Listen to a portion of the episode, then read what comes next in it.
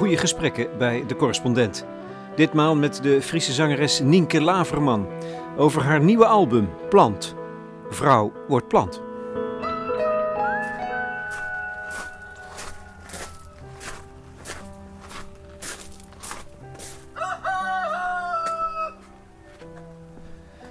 Er zijn boswachters aan het werk.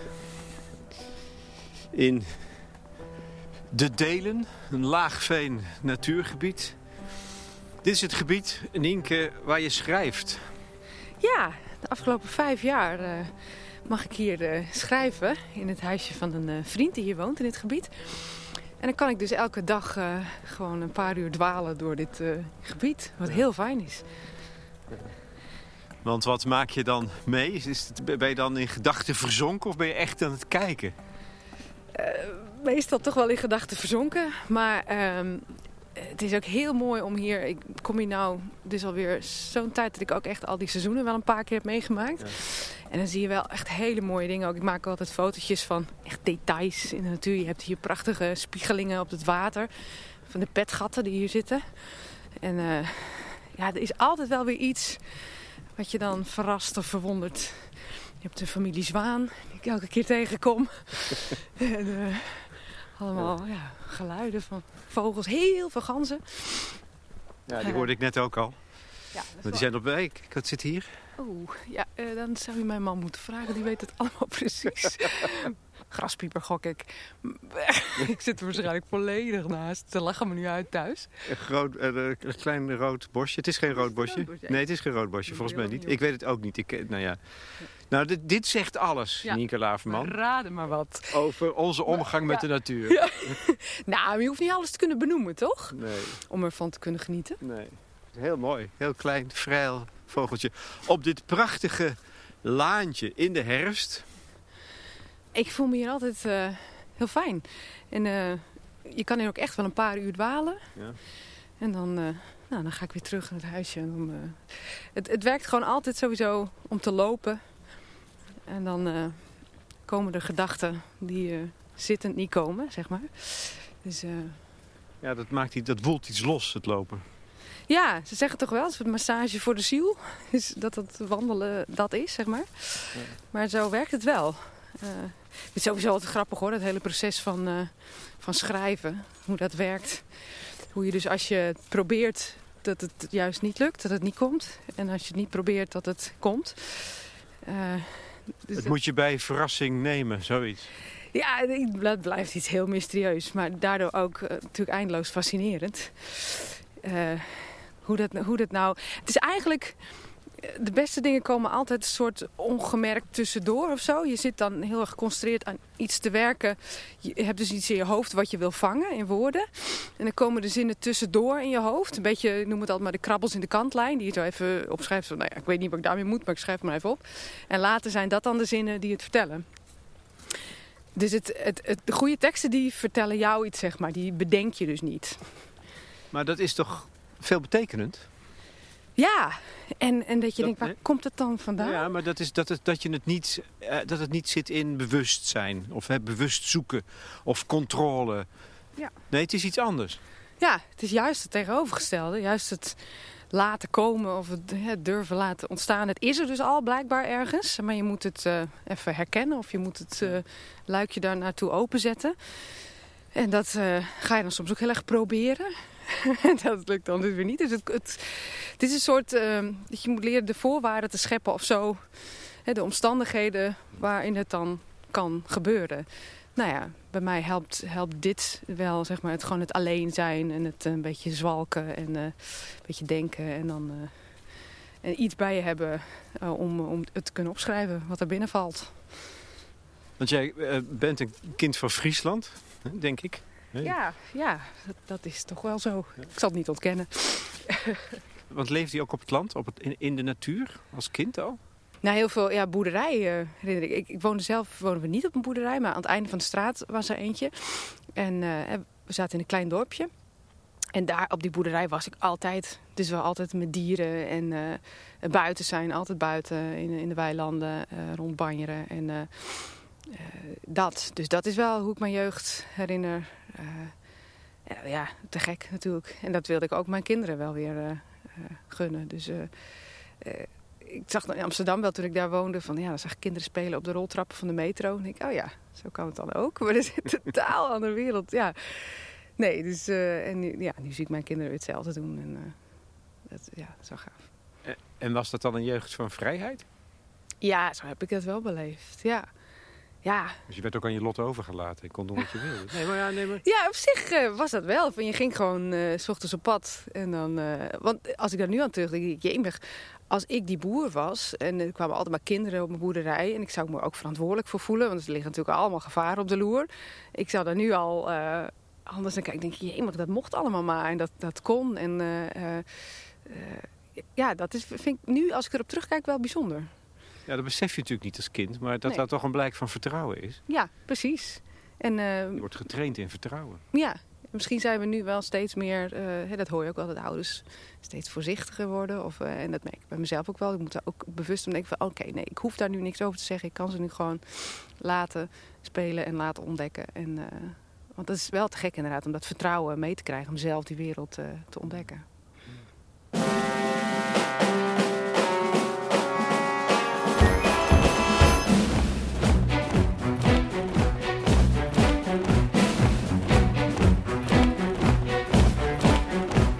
Wat te fottereen, hoe de van de krater, mis wat te fottereen, hoe de ranen van de vrouw, mis wat fottereen, hoe de van de krater, mis wat fottereen, en ik wil nog net naar.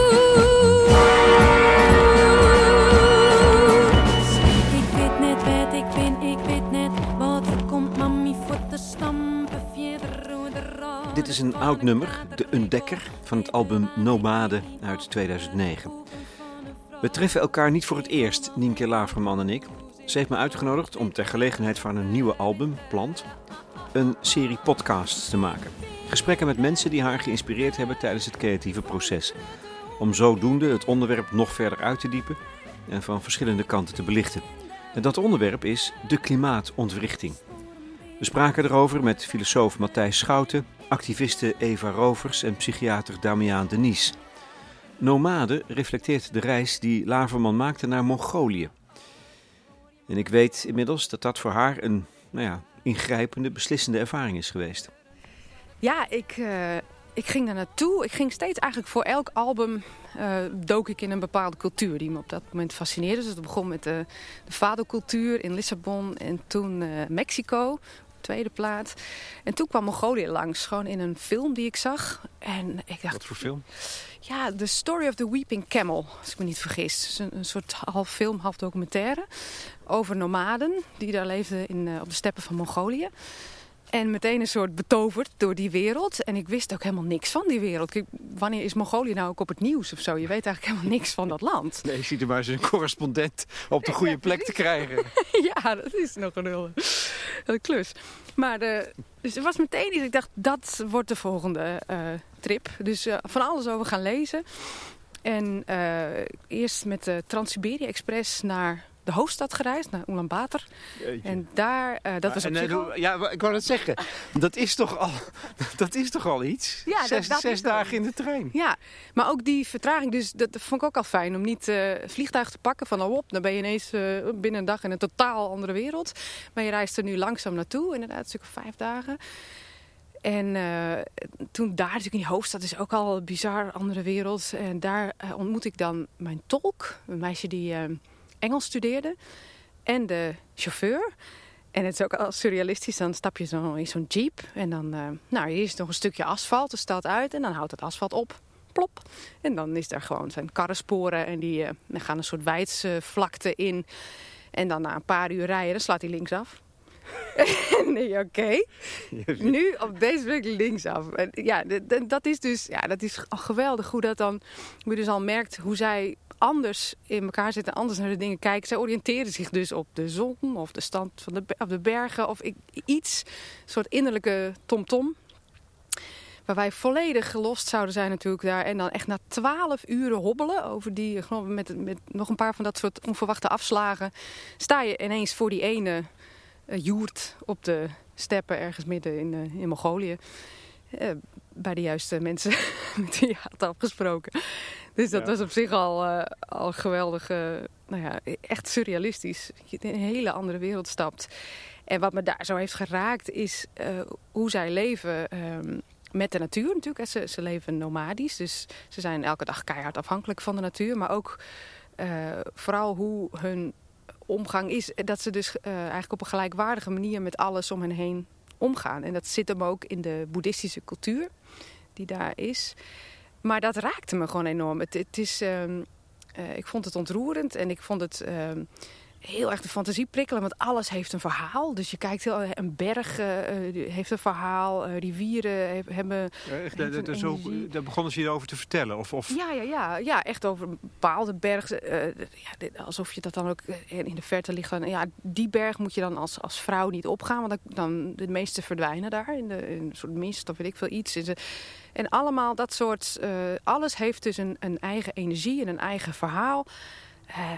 En als je op die manier, weet je, dat is gewoon bijna als kind, als een kind weer naar de wereld kijken. Van, er kan, kunnen overal uh, uh, wezens achter vandaan komen. Alles is, is ehm, bezield, zeg maar. En, dat, en je zag het ook echt in de praktijk hoe ze ook met elkaar omgaan. Dat er echt een soort gelijkwaardigheid van hoe je zelf behandeld zou willen worden. Zo behandel je ook een ander. Dat was ook een mooi voorbeeld van een keer een ehm, een dronken herder die kwam aan op een paard.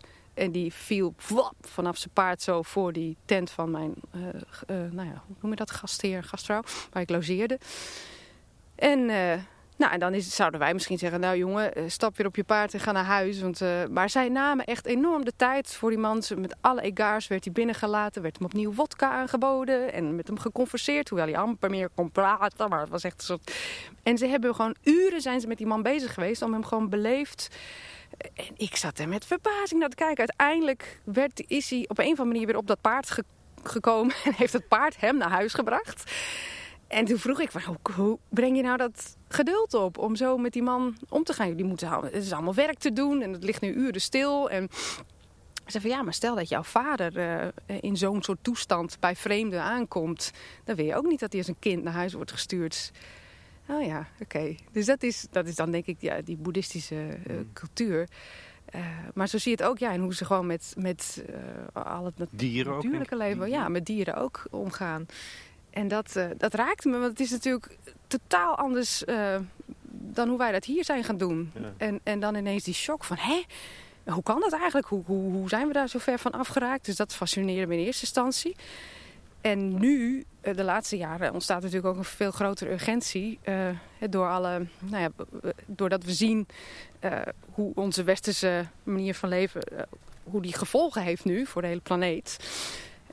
Wordt het gewoon steeds urgenter. Wordt het ook belangrijker dat we naar die manier van leven gaan kijken. Van, hoe doen wij de dingen eigenlijk? En, en waarom vinden we het normaal dat we doen wat we doen? En kan het ook misschien ook anders?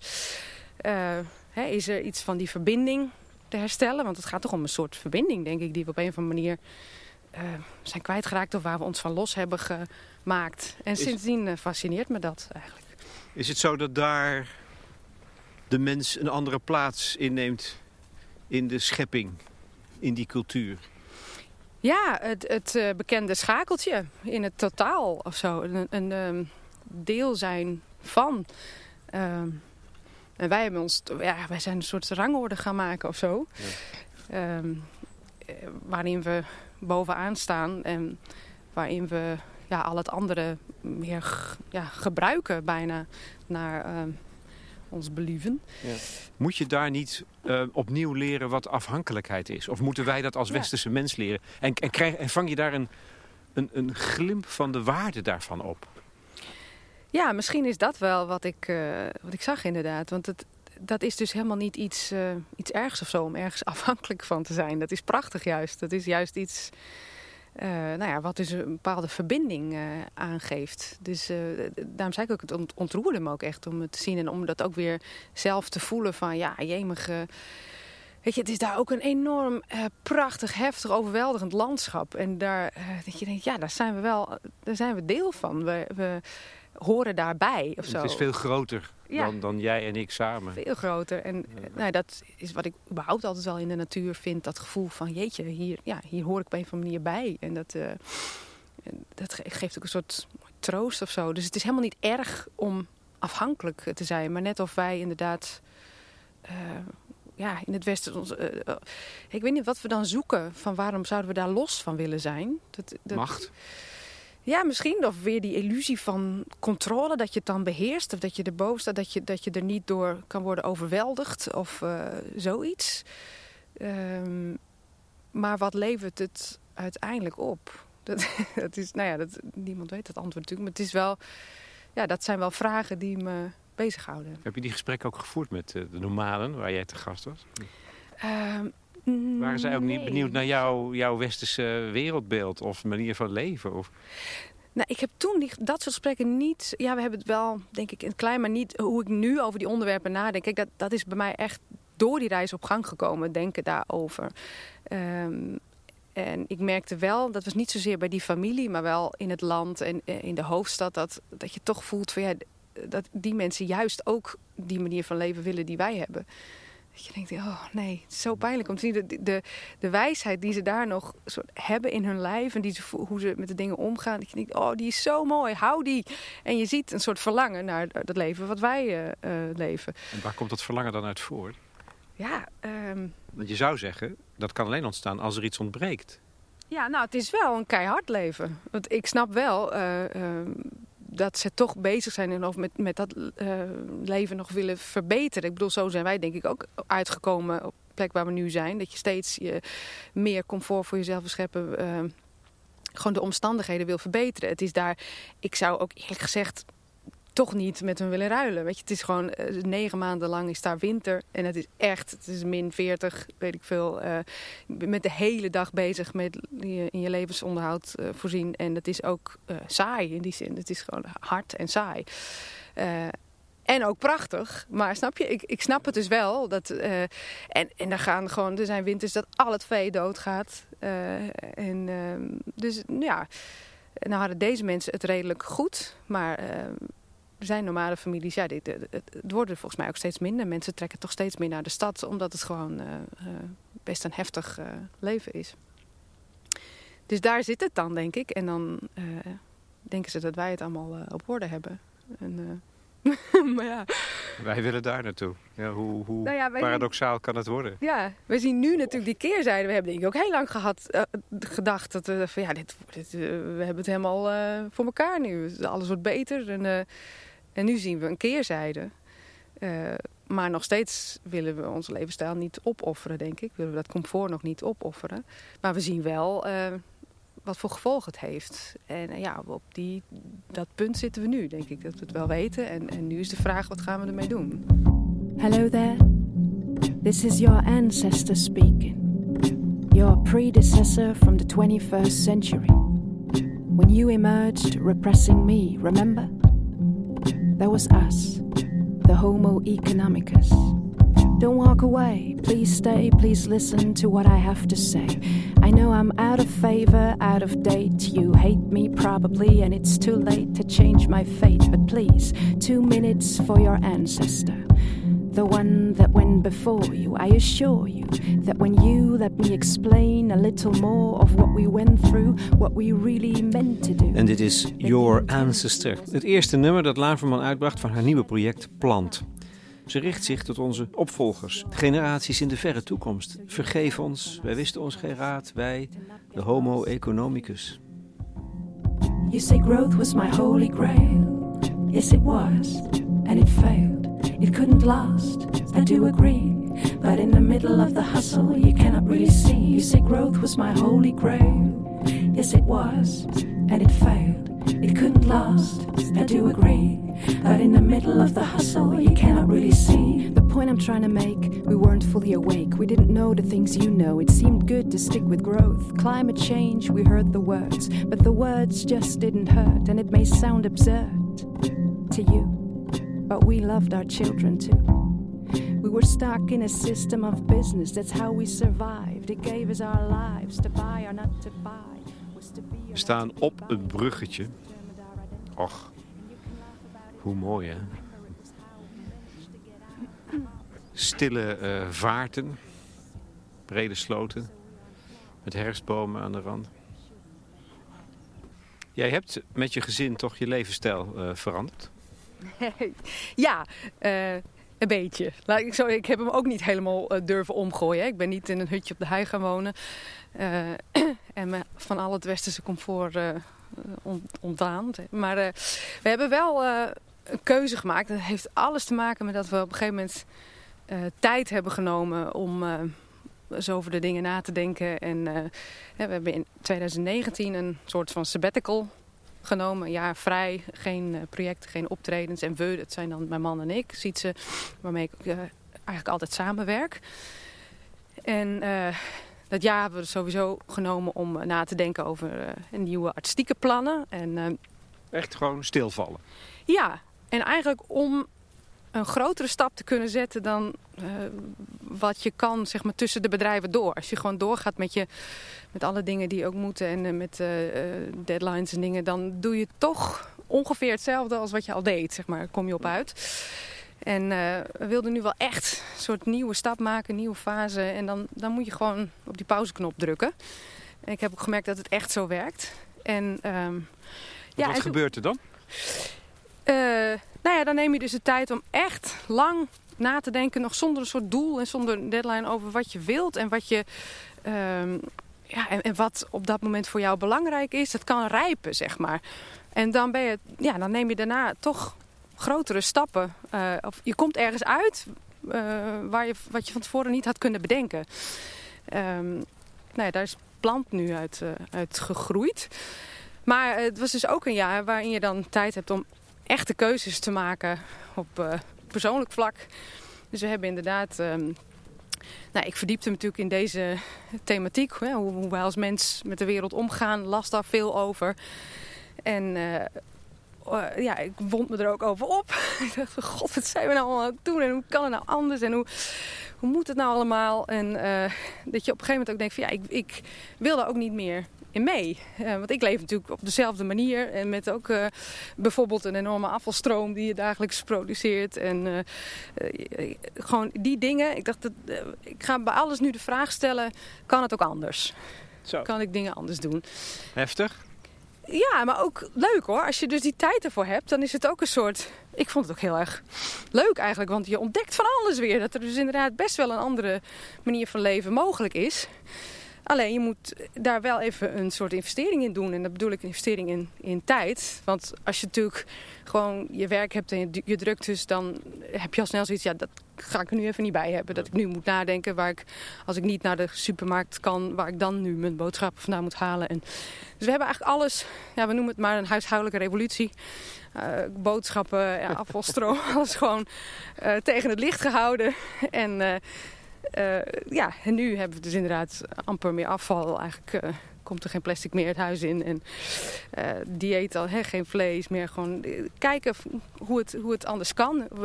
Wat je allemaal zelf kan maken. En ehm, Dat lukt ook. ja, dat lukte. En nu hebben we dus nieuwe routines. Dus nu is het ook weer, eh, nu kost het weer veel minder tijd. Maar je moet dus die, het gaat erom dat je dus eh, routines verlegt. Dus ge- ge- gedragspatronen, hè, gewoon die gewoontes, eh, die zitten ingesleten. Dus dat kost altijd eerst even. En, maar als die dan één keer omgelegd zijn, dan gaat het ook weer heel soepel. Dus dat vond ik heel interessant om, om te merken. Ik denk, ah, dat heeft dus allemaal gewoon met tijd nemen te maken. En het is vreugdevol. Ja, dan, eh, ehm, want het is ook hoe je, eh, dat merkte ik ook hoe je nu met de dingen bezig bent. Je bent veel bewuster met alles bezig, met eten bijvoorbeeld, weet je, en met dingen bewaren of zo. Dus je, eh, er ontstaat ook weer veel meer een binding met, met eten en met alles. Dus je doet alles zorgvuldiger en met aandacht.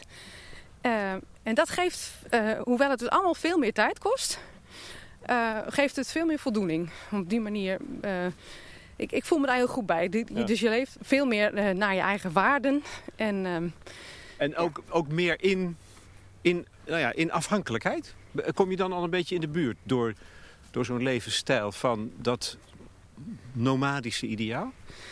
Nou, er is wel iets. Ja, ik moet er ook wel een beetje om lachen. Want ik zit natuurlijk nog steeds lekker vanuit mijn westerse Ja. eh, schulpje. Weet je, waar nog steeds alle comfort is. Ja, Zit je maar dan we kunnen, niet dingen- allemaal, we kunnen niet allemaal weg. Weet je, dat is... Dat is, Nee, dat dat is is ook zo. En, het, en ik ben er ook echt van overtuigd dat dit toch belangrijk is. Want heel veel mensen zullen ook zeggen van... Ja, jongens, oké, dan ga je in je eigen kleine gezinnetje... ga je afval scheiden en dan ga je al, al die druppeltjes op de gloeiende plaat. En ik hoor heel veel mensen zeggen van... Ja, dat, het heeft geen zin. Of die...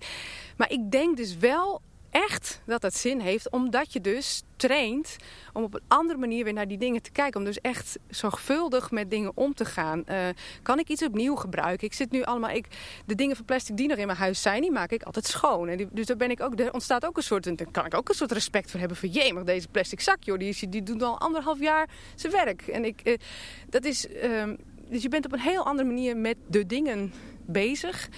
En, eh, de winst laat- zit vooral in je eigen hoofd ook. Hè? Niet per se Ja. in, in dat we nou daarmee het milieu eh, redden. Nee, Of niet dat we Niet daar- onmiddellijk althans. Precies, maar het gaat, het gaat om die omgang met. Van hoe, want eh, dat zag ik daar terug. Van het is een respectvolle, zorgvuldige omgang met. En dat zijn wij door de, de wegwerpcultuur en alles moet maar met gemak. En één keer.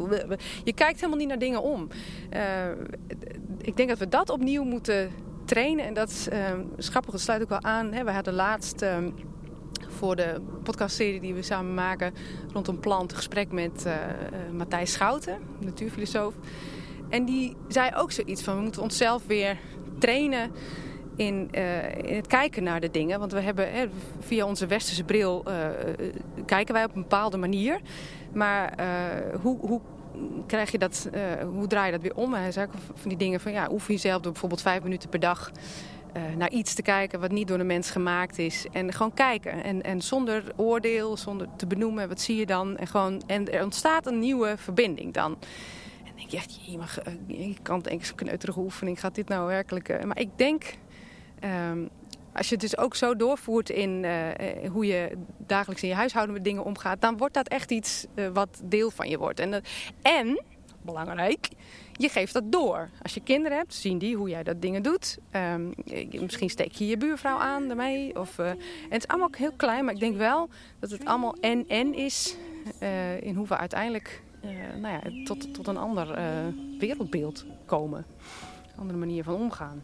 Tree, tree, what do you think of me, tree? Tree, what do you see when you look at me?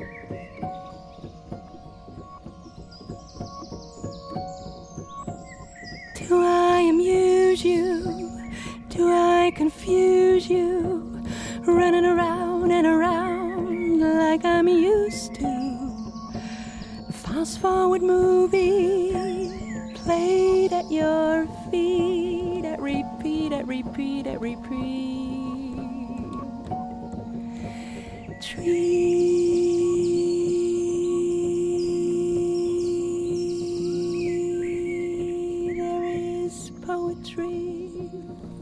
Daar liggen de zwanen.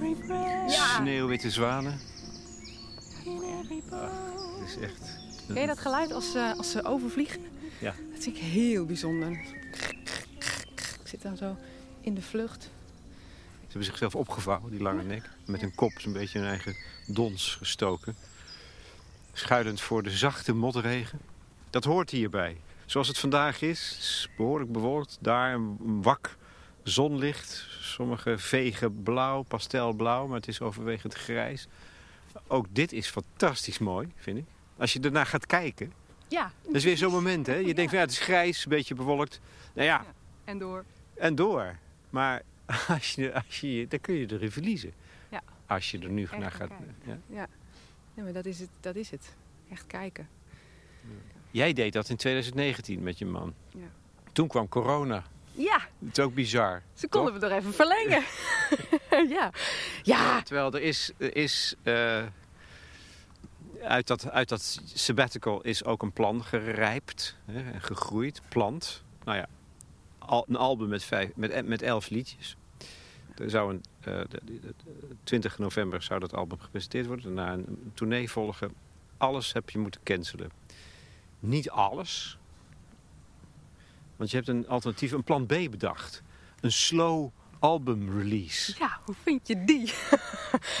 ja, Dat vind ik een creatieve oplossing voor het coronaprobleem als artiest. Ja, nou ja, dat is dus ook wat het doet. Het, het triggert eh, wel de creativiteit. Want je wil niet helemaal stilvallen. Je gaat kijken wat is er wel mogelijk. En dan moet je eerst wel even helemaal heroriënteren. Want dan merk je dus ook hoe je in die patronen zit. Van ja, je brengt gewoon altijd een album uit in zijn geheel voor een tour ongeveer een paar maanden. En dan ga je. eh, eh, eh. en dat is aan elkaar gekoppeld. Dus als die tour wegvalt, ja, dan kan je dat album ook niet meer uitbrengen. Maar ja, we dachten er wat langer op door. En ik moet echt de credits geven aan, aan Sietse. Die kwam met dit idee. Waarom dan niet een, inderdaad een album over een jaar tijd? Want we moeten dus een jaar doorschuiven met die tour.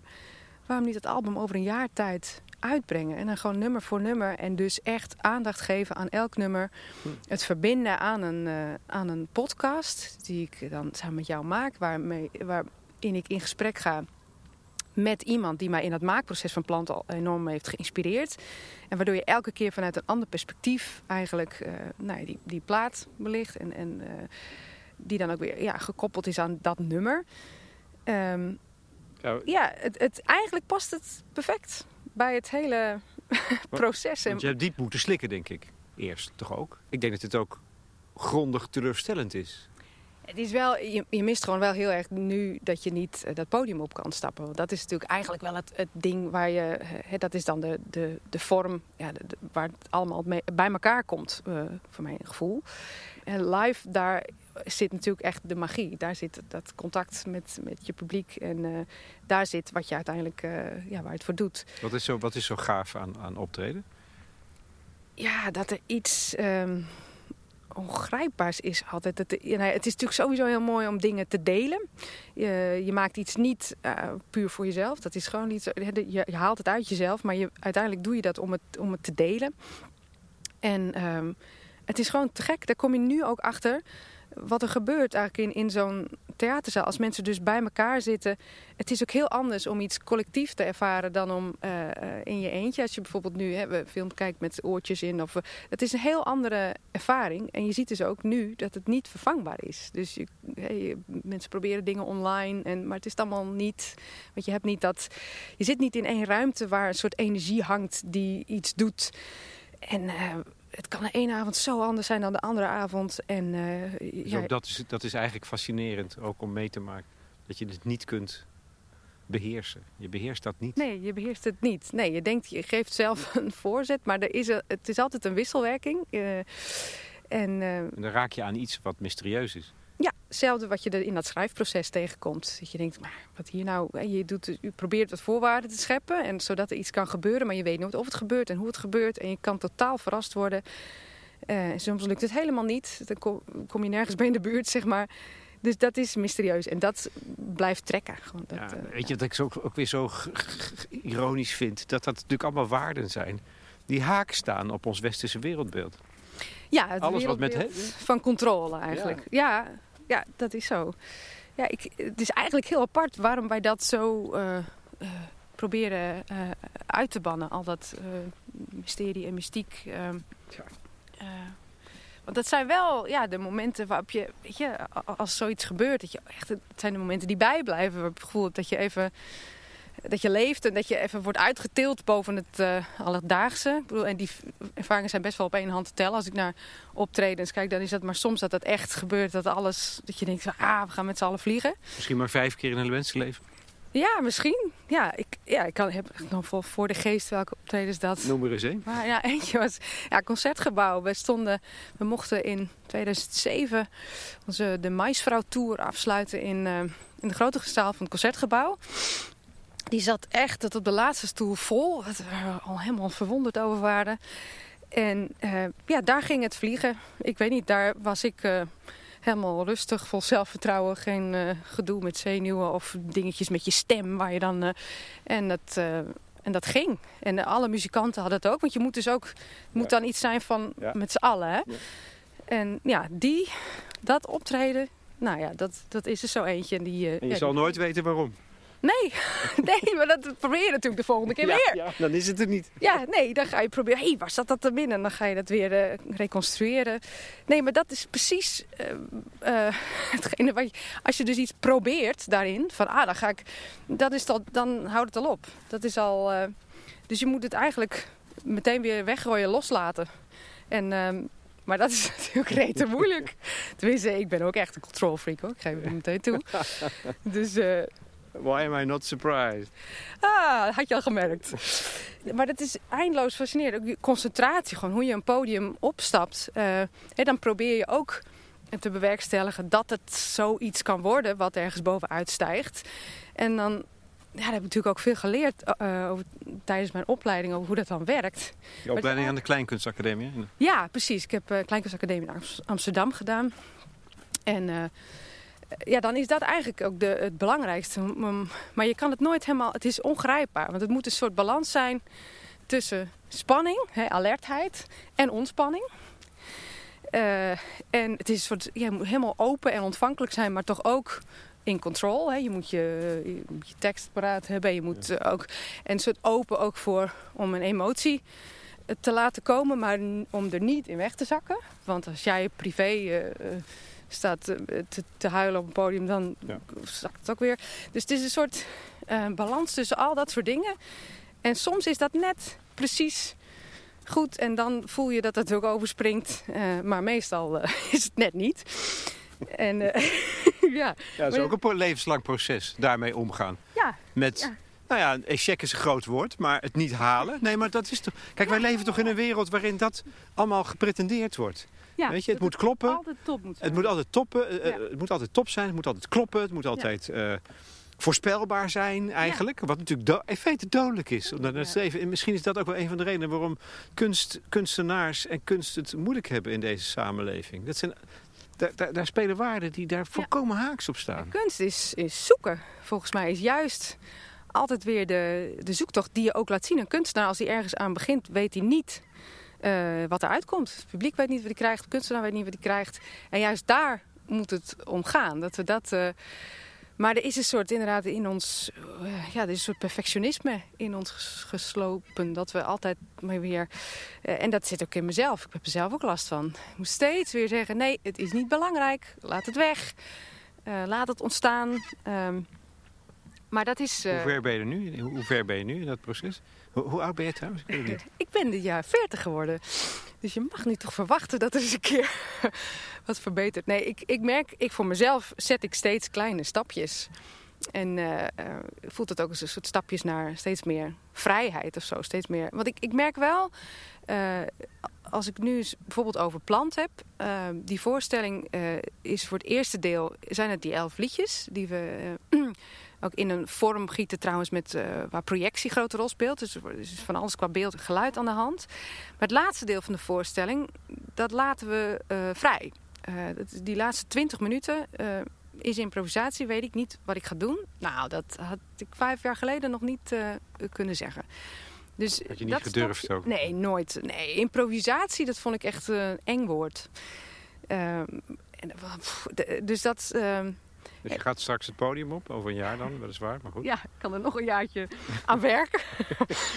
nou ja, of nou, juist helemaal niet. Nee, niet Nee, maar en dan, ga je, dan weet je dus, die laatste 20 minuten, dan staat er niks meer op papier. Ja, en ik kijk er nu al enorm naar uit. Dus dat is denk ik al, uh, al een stap. Ja, dat had ik echt een paar jaar geleden niet, uh, niet aangedurfd. Ik maar vind dat een grote stap hoor. Ja, en toch voelt het nu als... Uh, ja, als is iets logisch of zo. En het, het past ook helemaal eigenlijk bij wat we vertellen. Dus het is op een gegeven moment ook practice what you preach. Als je zegt inderdaad van hè, durf de tijd te nemen voor dingen, durf dingen te laten ontstaan. Volgens mij is dat, dat is eigenlijk misschien wel ons antwoord wat we nu formuleren op wat er gaande is in de wereld. En waar we voor staan met z'n allen voor enorme opgaves van jongen, die keerzijde van ons leven, wat dan nu zich vertaalt in allerlei crises, zoals een klimaatcrisis, biodiversiteitscrisis, alles, allerlei, nou, een coronacrisis. Uh, dus we moeten een soort nieuwe wegen vinden, maar dat is nogal wat. Weet je, het is. Uh, dus het, het kan ook niet om dan. Uh, van nu die confrontatie met die feiten doorspringen naar de oplossingen. Dat bestaat niet. Dus we moeten met z'n allen durven daar even in te zakken van jemig. Volgens mij weten we het even niet met z'n allen. Moeten we tijd nemen om naar die, dat soort nieuwe, die nieuwe wegen, dat nieuwe verhaal te komen. Dus dat is eigenlijk waar ik samen met Siets ook op uitkwam. Van dat is volgens mij uh, wat we willen zeggen met die voorstelling. Van laten we het even niet weten met z'n allen. Nou ja, uh, laat dat dan ook maar zien. Dus dat is wat we met dat laatste deel, waar we dan ook letterlijk instappen. En dan ben ik heel benieuwd wat er gebeurt. En ook wat er bij het publiek gebeurt. We keren nu om, denk ik. Er is ook altijd er is een heen en ook altijd weer een weg terug. Het licht is onmiddellijk anders, want we kijken nu naar de zon. Je hebt mij uitgenodigd om een, um, voor die slow album release uh, podcast te maken of mee te maken. Dus we hebben nu een aantal gesprekken gevoerd, drie. Wat heeft je bij Matthijs het meest uh, verbaasd of verrast? Nou, ja, hij heeft gewoon een geweldig uh, verhaal. Wat ik op zich uh, kende. Daarom heb ik hem ook uh, ja. gevraagd. Ongeveer maar ja, hij kan gewoon dat geweldig en aanstekelijk ook uitleggen van hoe, dat, hoe zo'n wereldbeeld van ons nou is ontstaan. Uh, en dat heeft hij wel weer op een manier gedaan dat voor mij ook weer nieuwe dingen erboven kwamen. Hè, dat we, wat ik al zei, op die rangorde. We hebben onszelf op een gegeven moment bovenaan geplaatst. En eigenlijk al het andere ontdaan, dat zei hij van, eerst van het verstand. En later ook nog eens hè, meer via het christendom nog van de ziel. Uh, zodat alles om ons heen uh, uh, eigenlijk tot dingen zijn geworden. En wij als mensen ook een beetje wees zijn geworden daardoor. Onszelf eigenlijk alleen nog over in een wereld. Nou ja, wij zijn dan enige bezielde wezens volgens ons eigen beeld. En ja, en hoe, uh, hoe armoedig dat eigenlijk is. Kijk, natuurlijk blijft bij mij de vraag van, goh... Uh, zijn we niet te, eigenlijk, eigenlijk vroeg je, zijn we niet te laat, ja. meneer Schouten? Nou ja, want het is natuurlijk nogal wat om een, even een wereldbeeld bij te stellen. Om, dat, om een nieuw wereldbeeld, wat hij dan zegt, te verinnerlijken. Uh, dan denk ik, ja, dat gaat over generaties. Het kan niet anders. Je kan nu inderdaad proberen op een andere manier dat door te geven aan je kinderen. En, het, en die zullen dat misschien weer... En je ziet het ook wel gebeuren. Hè? Je ziet dat er een heel ander bewustzijn nu is bij jongere generatie. Wat natuurlijk hoopvol is. Maar uh, tegelijkertijd gaan de ontwikkelingen, uh, wat er aan het gebeuren is in de wereld, zo snel dat ik bang ben uh, um, nou ja, dat, het, dat het voor bepaalde dingen wel te laat zou zijn. En gaf hij ook aan van ik ben wel bang dat er veel lijden uh, ja. zou kunnen ontstaan. Ja. Dat is heftig. Ja. Dat vond ik eigenlijk wel het... Lekker buitje. Ja, we, we hebben een paraplu nodig, uh, Nienke Laverman. Want nu gaat het opeens hard. Aan, dit kunnen wij ja, ja, maar Of mijn apparaatje daar kan. Oh, nou. Dat is eigenlijk meer de mijn zorg. Ik vind het niet erg. Tree, do you smile at me climb into your arms and we dance together endlessly? Tree, do you feel as close to me as I feel to you? And do you miss me? Dit is, dit is klassiek. We schuilen e even onder een boom. Nou, het is een uh, eikenboompje. Uh, een jongen, volgens mij. Maar uh, het zit nog in het blad. Wel roestbruin inmiddels. Maar de, boom biedt beschutting. Leiden. Dat vond ik misschien wel... Het... het nou, voor mij persoonlijk wel het, het, het, het, inzicht dat het meest trof. Jongens, de reden om het te doen is dat er heel veel lijden zal komen in de wereld. Zo, zo denken we daar niet over, dat bedoel ik. Nee, er wordt dan al snel gedacht dat we het hebben over de apocalyps. Dan stort alles in en dan is alles... Uh, maar dat is natuurlijk dat, zal, dat is niet aan de hand. Dat gaat niet gebeuren. Maar het gaat wel inderdaad... Uh, het wordt gewoon minder leuk om hier te zijn. En dat, dat is wat hij ook aangeeft. Dat lijden. Van, er komen steeds minder plekken die bewoonbaar zijn. Dus er komen allerlei bewegingen van mensen. Dat kan conflicten opleveren, misschien wel oorlogen. Weet ik veel. Dat is ook waar ik uh, persoonlijk uh, bang voor ben... voor wat het voor spanningen gaat geven... en wat we daaruit voortkomend elkaar uh, kunnen aandoen. Want, wat dat betreft zijn we onze eh, zijn we zelf denk ik onze grootste vijand wat dat betreft. Er zullen natuurlijk ook allemaal natuurrampen ontstaan en daar, dat geloof ik ook wel. Maar toch ben ik daar dan niet het meest bang voor. Dat zit dan Nee. toch meer in wat we elkaar gaan aandoen. Ja. Gewelddadigheid en dat is nou ja, een van die vormen van lijden. Ja. Ja. We gaan, ja, we gaan zo'n periode wel in, denk ik, met heel veel onzekerheid. En toch ook... Uh, ja, dat, dat is ook waar ik natuurlijk mee uh, worstel naar uh, mijn kinderen toe. Van jeetje, wat voor... Ja.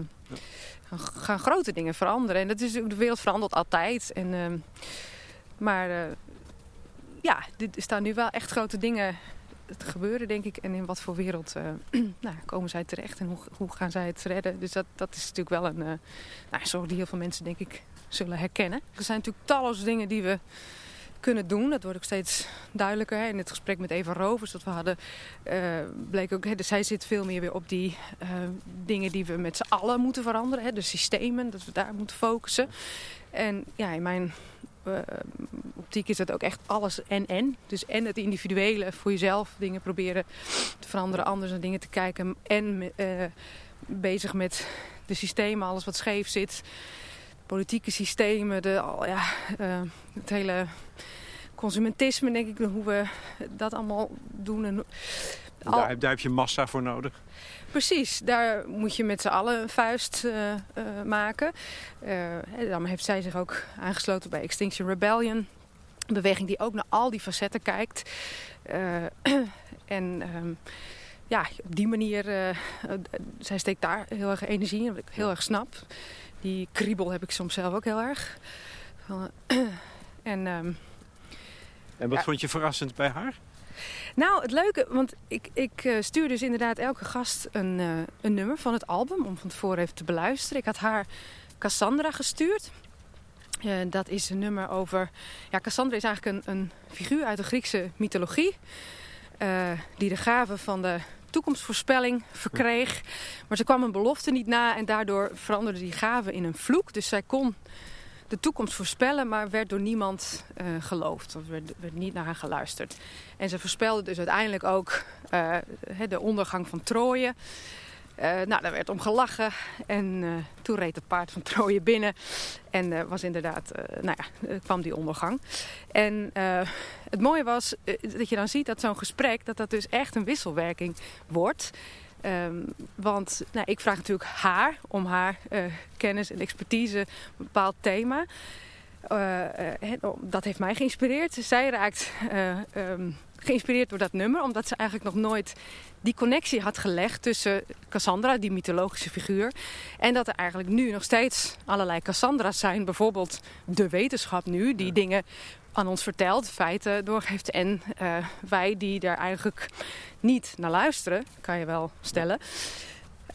Dus dat er op die manier allemaal Cassandra's zijn, moderne Cassandra's. En vervolgens gaf zij mij weer een nieuw inzicht door te zeggen van... God, ja, in dat paard van Troje, wat wij hier natuurlijk in het Westen hebben binnengehaald, is onze welvaart.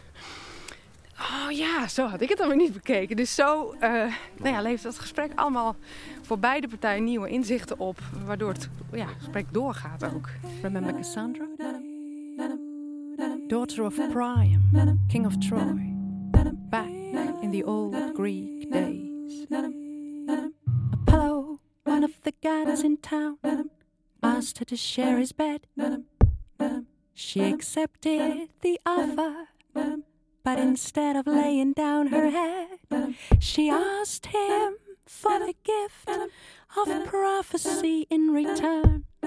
Apollo fixed it right away and came to collect what he had earned. But then she turned him down and walked away.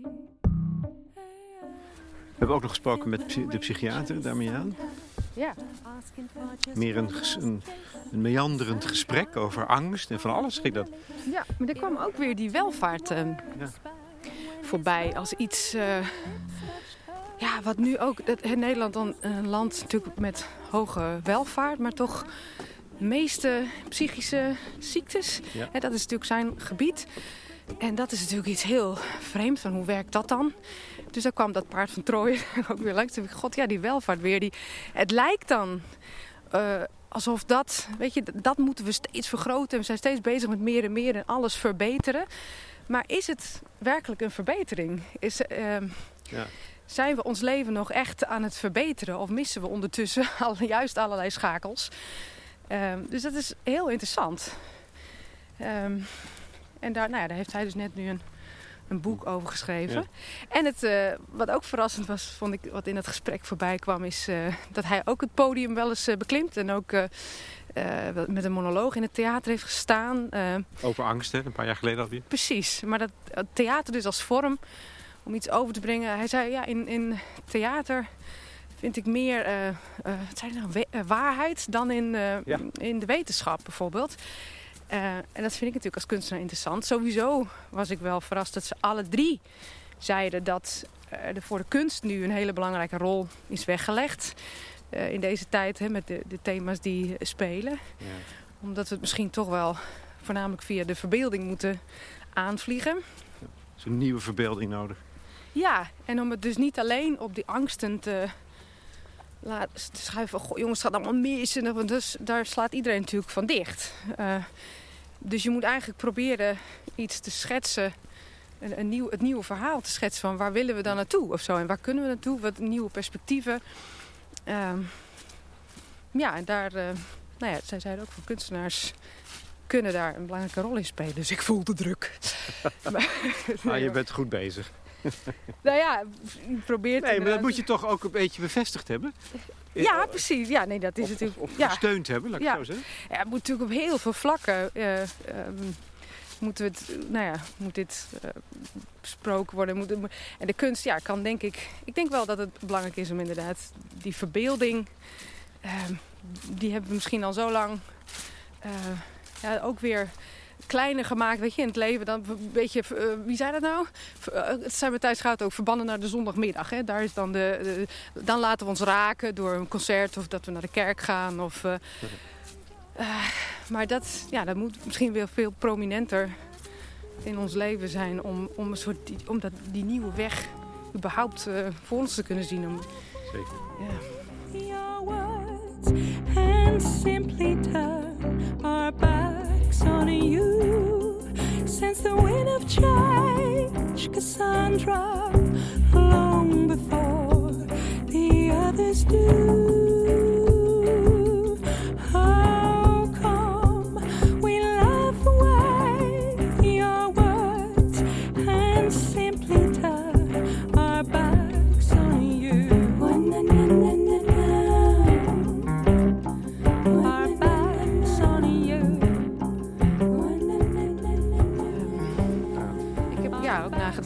Eigen kinderen moet zeggen. En dan kwam het eh, thema liefde weer voor, naar voren. Wat eh, Matthijs ook nog aanhaalde. Van, ja, dat is toch ook een heel belangrijk ding in, eh, nou, in het houden van hoop. Weet je, dat, dat je... ik zat echt, dat was het laatste liedje. Ik dacht, ik moet nog iets... ge- ehm, omdat ik merkte van ja, het kan ook een donker plaat worden. Het kan ook, weet je, het kan ook Ja. naar die cynische kant overhellen. Maar wat, wat zeg ik nou echt tegen mijn eh, kinderen? Ehm, om, om toch, ik wil, je wil natuurlijk als moeder altijd zeggen dat het goed komt. En, ehm, maar hoe kan ik dat dan geloofwaardig doen? Dus het is een liedje waar ik steeds herhaal van het, eh, alles komt goed, alles komt goed. Het is een Fries liedje. Eh, en toen kwam op een gegeven moment de zin voorbij van alles wat ik sissen ken. Dus alles wat ik kan zeggen. En toen dacht ik, ja, ja, oké. Wat, wat, is dat? Dus het bleef maar zo door. Alles wat ik sissen ken. Alles, ja, wat, wat wil ik dan zeggen? En dan helpt dus de klank mij. Dat is zo grappig hoe ik dan op de volgende zin kom. Dat ik gewoon op die alles wat ik wezen ken, iets met die is. En dus dan, toen kwam er uiteindelijk uit, eh, is dat leefde het stikken kin. Dus dat is de klank die mij helpt naar de woorden. En ik, oh ja, dat is het. Dat liefde niet stuk kan. Dat is het wat ik wil zeggen. Liefde kan niet stuk. En dat alles om je heen en ook jijzelf. Hè, eh, als ik het tegen kinderen heb, je bent van liefde gemaakt. Dus dat, uiteindelijk is dat het vertrouwen, dat is er en dat kan niet stuk. En het is ook weer zo grappig dat dan die, de klank dus je helpt. Nou, Dus je Ja. bedenkt het niet, maar iets anders doet dat voor je. En dan denk je, oh ja, dat wou ik zeggen. Je wordt geleid. Ja, hogerhand. Nee, ja, wat dat is. Nou ja, hetzelfde dat je soms door muziek, dat je gewoon maar wat murmelt op een melodie en dan komt er ook iets. eh, ja, het is een fascinerend proces. Ik heb warme voeten. Goed zo. Ja, je bent gaan lopen. We zijn gaan Ja, lopen. Je had steenkoude vingers. Zo, ja. Dit, En eh, tenen toen we begonnen, maar nu ja. niet meer. Nee, nu niet meer. In beweging komen, dat is ook wel een mooie. Ja.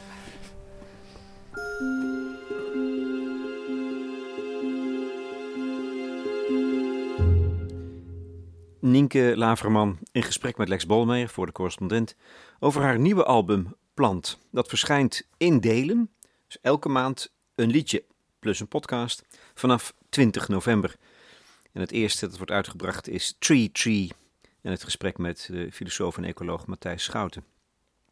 Wat vinden jullie? Heeft het zin om kleine stapjes te zetten als je iets wilt doen aan die grote klimaatontwrichting? Collega Rutger Brechtman heeft er onlangs ook al een prikkelend stuk over geschreven. Wij kunnen dat gesprek voortzetten op de site. De bijdragesectie staat open voor leden. En je bent al lid voor zeven tientjes per jaar. Daar krijg je een jaar lang dus kwaliteitsjournalistiek voor. En heel veel podcasts. En dan wil ik nog wel iets aankondigen. Op 22 november, zondagmiddag om half één, ga ik weer een podcast opnemen in aanwezigheid van publiek. Althans, als corona dat toelaat, dat is nu nog onzeker. Maar het plan is wel in het Theater aan het Spui in samenwerking met het Nationale Theater. De gast is Marjolein de Kok. Die heeft een boek geschreven over miskramen. Maar ik hield al wel van je. Jullie kunnen daarbij zijn in het halfduister. In een strandstoel. 22 november. Yes, it was, and it failed. It couldn't last. I do agree. But in the middle of the hustle, you cannot really see. You say growth was my holy grail. Yes, it was, and it failed. It couldn't last. I do agree. But in the middle of the hustle, you cannot really see.